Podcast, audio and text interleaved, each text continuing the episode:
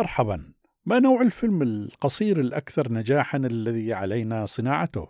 ما هي علاقة الفيلم القصير بمراحل كتابة السيناريو؟ ما علاقة الفكرة والسيناريو بالهيكل العام للفيلم؟ ما أهمية المقدمة والبداية في الفيلم القصير؟ هل تصلح قصة من الواقع أم قصة من الأدب لكي تتحول إلى سيناريو ثم إلى فيلم قصير؟ هذه الأسئلة وغيرها سوف نسلط الضوء عليها بالتفصيل من خلال هذه الحلقة الجديدة من الموسوعة السينمائية فابقوا معنا.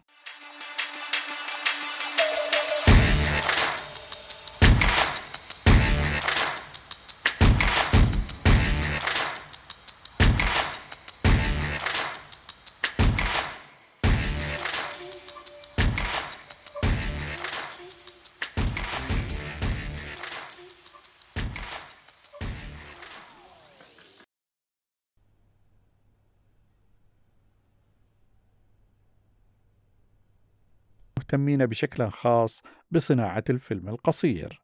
ونحن هنا نترجمه خصيصا لجمهورنا العزيز في الموسوعة السينمائية. هنا ألفت, ألفت عناية حضراتكم إلى أننا سوف نشتغل في هذه المحاضرة على طريقة تبس العناوين والسبوتات المركزة وليس الشروحات المسهبة وكثرة الكلام بل المعلومات المركزة. فلننطلق. أولا وقبل كل شيء عليك أن تسأل نفسك ما نوع الفيلم القصير الذي أريد أن أصنعه. وفي البداية نقول أنه على الرغم من عدم وجود ما هو معلن من قواعد هوليود بخصوص طول الفيلم القصير بشكل عام فإن الفيلم القصير هو عبارة عن سلسلة من الصور المتحركة التي تصل مدتها إلى خمسين دقيقة. ومع ذلك فإن أغلب الأفلام القصيرة تتراوح في حدود 20 دقيقة وما هو أقل في المتوسط وصولا إلى الدقيقة وحتى أقل من الدقيقة. تروي الأفلام القصيرة قصصا مكتملة تستند إلى ثلاثة ركائز أساسية تقليدية وهي البداية والوسط والنهاية حالها حال الفيلم الروائي الطويل وباقي الأنواع الدرامية. تتميز أفضل الأفلام القصيرة بتركيز واضح وتكون مقتصدة في السرد القصة. تعتمد على التكثيف والدلالة بدل السرد المطول وتستخدم موقعا واحدا أو موقعين أو بضعة مواقع للتصوير كأقصى حد وعدد قليل من الشخصيات. وكلما تم الاختصار المكاني واختصار الشخصيات إلى أقل ما يمكن يكون أفضل وصولا إلى فيلم الشخصية الواحدة أو الشخص الواحد. لماذا تعتبر الأفلام القصيرة مهمة لصانعي الأفلام الطموحين؟ هذا سؤال مهم. هنالك كثيرون ممن عيونهم متجهة إلى إغراءات الفيلم الطويل ومكاسبه للفيلم الطويل، بينما الحقيقة هي أن أغلب المخرجين العالميين المرموقين كانوا قد بدأوا حياتهم المهنية مع الفيلم القصير. لهذا فإذا كان هدفك هو إخراج أفلام طويلة أو إنتاجها أو بيعها فلربما بسبب هذه الأحلام الواسعة تعتقد أن صنع الفيلم القصير ليس ذا أهمية أو ذا قيمة. ينظر البعض إلى الأفلام القصيرة على أنها أسيرة المدارس والورشات وليست مقترنة بالمحترفين وهو وهم آخر. الأفلام القصيرة هي أكثر بكثير من مجرد تمارين في مدرسة السينما. يمكن أن يكون الفيلم القصير ذا بلاغة وقوة تعبيرية وجمالية أقوى من كثير من الأفلام الطويلة التي نشاهدها. الرؤية الواسعة لصانعي لصانع الفيلم القصير تؤهله لدخول عشرات المهرجانات واكتساب أعداد غفيرة من المشاهدين والشهرة من خلال إنتاجهم أفلامهم القصيرة نعم يعد تقديم فيلم قصير إلى مهرجان سينمائي طريقة رائعة لزيادة أعداد المشاهدين والتعرف على منجزك. إن عرض فيلمك القصير في مهرجان مرموق يمكن أن يرفع من ملفك الشخصي كمخرج ويجعلك تنتظر مشاريع أكبر. عند التقديم لمهرجان سينمائي. تذكر أنه كلما كان الفيلم أقصر كانت فرصتك أفضل حيث يرغب أغلب أو معظم مبرمجي المهرجانات السينمائية في عرض عدد أكبر من الأفلام ولهذا يفضلون أفلاما أقصر. حقق لنفسك الانتشار بعد ذلك.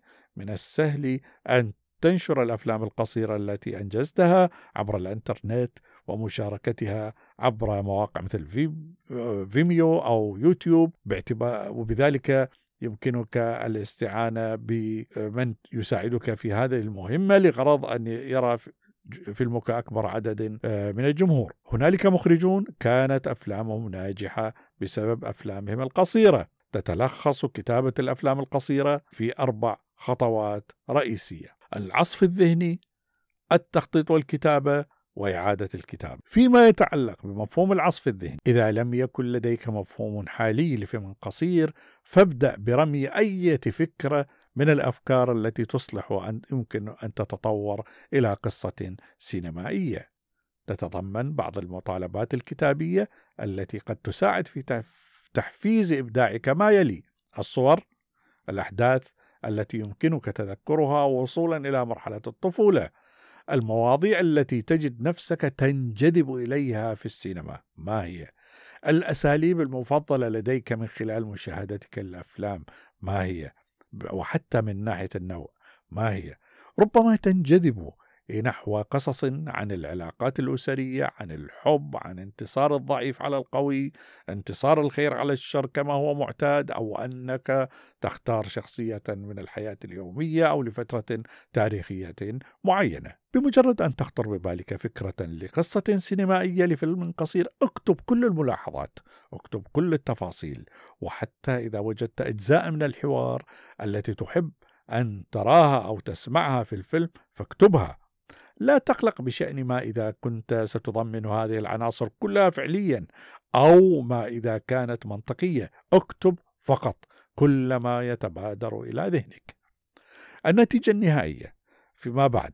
عندما يمضي فيلمك إلى مراحله اللاحقة الخطوط العريضة بعد أن قمت بتضييق نطاق العصف الذهني الخاص بك وصولا إلى فرضية واضحة وبسيطة نبدأ في تحديد فكرة الفيلم. كما هو الحال في الأفلام الروائية تحتوي الأفلام القصيرة كما قلنا على بداية ووسط ونهاية. أثناء مرحلة المخطط التفصيلي يتمثل هدفك في رسم الهيكل العام للفيلم. لذلك لا بأس من من عدم معرفة ما سيحدث في كل لحظة. ومع ذلك يجد بعض الكتاب أنه من المفيد معرفة كل مشهد أو حدث تفصيلي يمكن أن يظهر في الفيلم قبل البدء في الكتابة. إذا اكتب مسودتك الأولى الآن بعد أن عرفت شكل قصتك. ابدأ في كتابة المسودة الأولى من سيناريو الفيلم القصير. تتبع الأفلام القصيرة؟ نفس بنية السيناريو المعتاد تماما كما هي في الأفلام الروائية. فكر فيما إذا كنت قد أنجزت ذلك. من القواعد الأساسية الجيدة عند كتابة السيناريو لفيلم قصير الدخول متأخرا والخروج مبكرا. ما معنى ذلك؟ معنى ذلك أدخل كل مشهد أو أدخل كل مشهد في وقت متأخر من الحدث قدر الإمكان. بمعنى لا تسهب في عرض الحدث. بل التقط أهم عناصر قوته. واخرج بمجرد مجرد أن تؤدي شخصيتك ما يجب أن تؤديه في لحظتها الدرامية القوية. لا تستمر مع الشخصية حتى تبرد أفعالها. لديك عدد كبير من الصفحات لتروي قصتك. لا تضيع الوقت في الأمور الهامشية أو الخلفية الدرامية التي ليست ضرورية تماما. أعد كتابة السيناريو. هنالك عبارة مهمة أنصحك أن تضعها في ذهنك أن الكتابة الحقيقية هي إعادة الكتابة وكتابة السيناريو ليست استثناء. بمجرد أن تكون لديك مسودة أعط النص للأصدقاء أو من تثق بهم لغرض الاستماع إلى ملاحظاتهم. عندما تعود لكتابة المسودة الثانية سوف تشعر أنك بحاجة إلى إنشاء مخطط سيناريو تفصيلي جديد.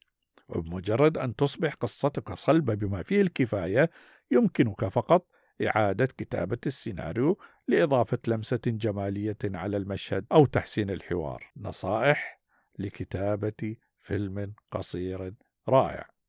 بينما قد تبدو كتابة فيلم قصير أمرا بسيطا، إلا أن ملائمة قصة كاملة في عشر في عشر دقائق أو عشرين دقيقة من وقت الشاشة قد يكون أمرا صعبا. إليك بعض النصائح لمساعدتك في كتابة فيلم قصير بنجاح. ركز على فرضية بسيطة تعتبر القصة الجذابة في صميم أي فيلم قصير. لكن أفضل الأفلام القصيرة هي التي تكون مبنية على فكرة واضحة وموجزة وغالبا ما تكون بسيطة للغاية.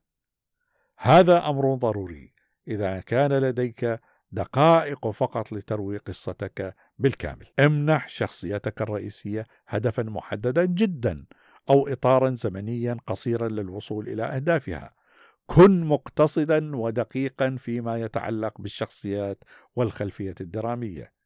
لا تملك الأفلام القصيرة الوقت الكافي للتنقيب والبحث أو تقديم الكثير والمفصل عن الخلفية الدرامية للشخصية. ما مقدار المعلومات التي نحتاجها بالفعل عن البطل للانضمام إلى رحلته. هل من المهم معرفة أن لديه ما زواج سابق أم أن ذلك يضيف تفاصيل غير ضرورية بالنسبة إلى الشخصيات الداعمة أو غير الرئيسية؟ هل تتم مطاردة شخصيتك من قبل الأشرار أم هل يمكن أن يلاحقها شخص سيء واحد؟ اسأل نفسك. إذا فقدت الشخصية الثانوية أو المساعدة فهل ستظل شخصيتي الرئيسية تحق ماضية في تحقيق أهدافها؟ إذا كانت الإجابة نعم ففكر في تركها خارج القصة. تدور أحداث بعض أفضل الأفلام القصيرة في غرفة واحدة أو مكان واحد. تذكر ذلك. هذا مفيد. ليس فقط في التركيز على قصتك ولكن أيضا في الحفاظ على ميزانيتك المنخفضة. من التمارين المفيدة أثناء العصف الذهني لفيلمك القصير أن تبتكر الفرق الفكرة المرتبطة بموقع واحد وتسأل نفسك ترى هل يمكنني سرد هذه القصة بأكملها دون مغادرة هذا المكان؟ سواء كنت مخرجا طموحا أو تحلم بتغيير العالم بفيلمك المستقل فإن التنقل في عالم السيناريو والسيناريوهات المعاد كتابتها قد يبدو أمرا شاقا يمكنك الاختيار من بين عشرات الأنواع الفيلمية أو أنماط صناعة الأفلام الواقعي التعبيري الرومانسي أفلام الحركة الرعب أو غير ذلك. أيا كان النوع الذي تريد أن تختاره وتشتغل عليه فإن ذلك ليس عائقا بشرط الابتعاد عن الميزانية الكبيرة والمشاهد المبالغ فيها والمكلفة أو التي من الصعب تحقيقها. لهذا يجب أن يكون فيلمك القصير إنتاجا بمستوى ميزانيتك. إذا كانت هذه هي المرة الأولى التي تقوم فيها بعمل فيلم قصير فيجب أن تبقي الأمور بسيطة قدر الإمكان. كل قصة تبدأ بمفهوم. لا تقيد نفسك في هذه المرحلة من الإنتاج. احلم احلم بالقصة التي تريد صنعها. اطرح أفكارا حول الأفلام القصيرة. شاهد بعضا من أفضل الأفلام القصيرة لكي تلهمك. وشاهد وبعد ذلك راقب ما الذي يبقى في ذهنك. صناعة الأفلام هي شكل فني من الاحتمالات اللامحدودة تلك هي الخلاصة. لذلك لا تريد أن تبدأ العملية بإخبار نفسك أن ما تريد صنعه مستحيل. قد يكون الأمر مستحيلا ولكن الشيء الأكثر أهمية في هذه الخطوة هو أن تبذل قصارى جهدك لتصور ما تريد رؤيته. أيضا سترغب في إعداد تقويم إنتاج حتى تتمكن من الالتزام بجدول الزمني المحدد. كيفية عمل مقطع نصي قصير للفيلم؟ اكتب السيناريو. هنالك مجموعة متنوعة من الطرق لمعالجة النص فيما يلي بعض النصائح الإضافية حول كتابة فيلم قصير. هنالك في المعتاد وفي درجة عالية من الاحتراف هنالك software أو هنالك شكل للسيناريو كما هو معتاد أو معتمد في المدرسة الهوليودية. لكن على صعيدنا على صعيد تجاربنا في العالم العربي فإن الأمر أسهل من ذلك وهو أن تقسم الصفحة إلى قسمين قسم لوصف الصورة وقسم للصوت. ولكن لا تترك اطلاقا أي شيء دون أن يكون مكتوبا ومدروسا. بعناية. يبدأ صنع الفيلم القصير بالتنظيم والتحضير. كلما زاد حسن أو كلما كان هنالك تنظيما جيدا وتجاوزت العقبات تأكد أن ذلك بسبب التخطيط الجيد. لا يجب أن يكون فيلمك القصير إنتاجا كبيرا. تذكر ذلك. إذا كانت هذه هي المرة الأولى التي تقوم فيها بعمل فيلم قصير فأنت يجب أن تبقي الأمور كما ذكرنا بسيطة قدر المستطاع. بعد إنجازك السيناريو في مرحلة الإنتاج ال pre-production فكر في التخطيط للإنتاج ال production حتى تتمكن من الالتزام بجدول زمني في مرحلة الكتابة. هنالك مجموعة من الطرق متنوعة من الطرق لمعالجة النص. يجب أن يكون نصك القصير ما بين خمس صفحات إلى خمسين صفحة. تذكر أن كل صفحة من النص الخاص بك يمكن أن تعادل دقيقة واحدة من الزمن على الشاشة. بمجرد الانتهاء من كتابة المسودة الأولى أقضي بعض الوقت بعيدا عنها إذا أمكن أسبوع إلى أسبوعين ثم أرجع وقم بإجراء تعديل عندما يبدو أنه أن النص أصبح في حالة ومستوى جيد. قد ترغب في مشاركة بضع نسخ مع الأصدقاء الزملاء المتخصصين. افعل ذلك. أعطهم نسخا منها واستمع للملاحظات. تثبط عزيمتك إذا تلقيت أي تعليقات أو انتقادات فهذا سيساعدك على تصحيح المسار. نكتفي بهذا القدر هذا اليوم وهذه الحلقة من الموسوعة السينمائية.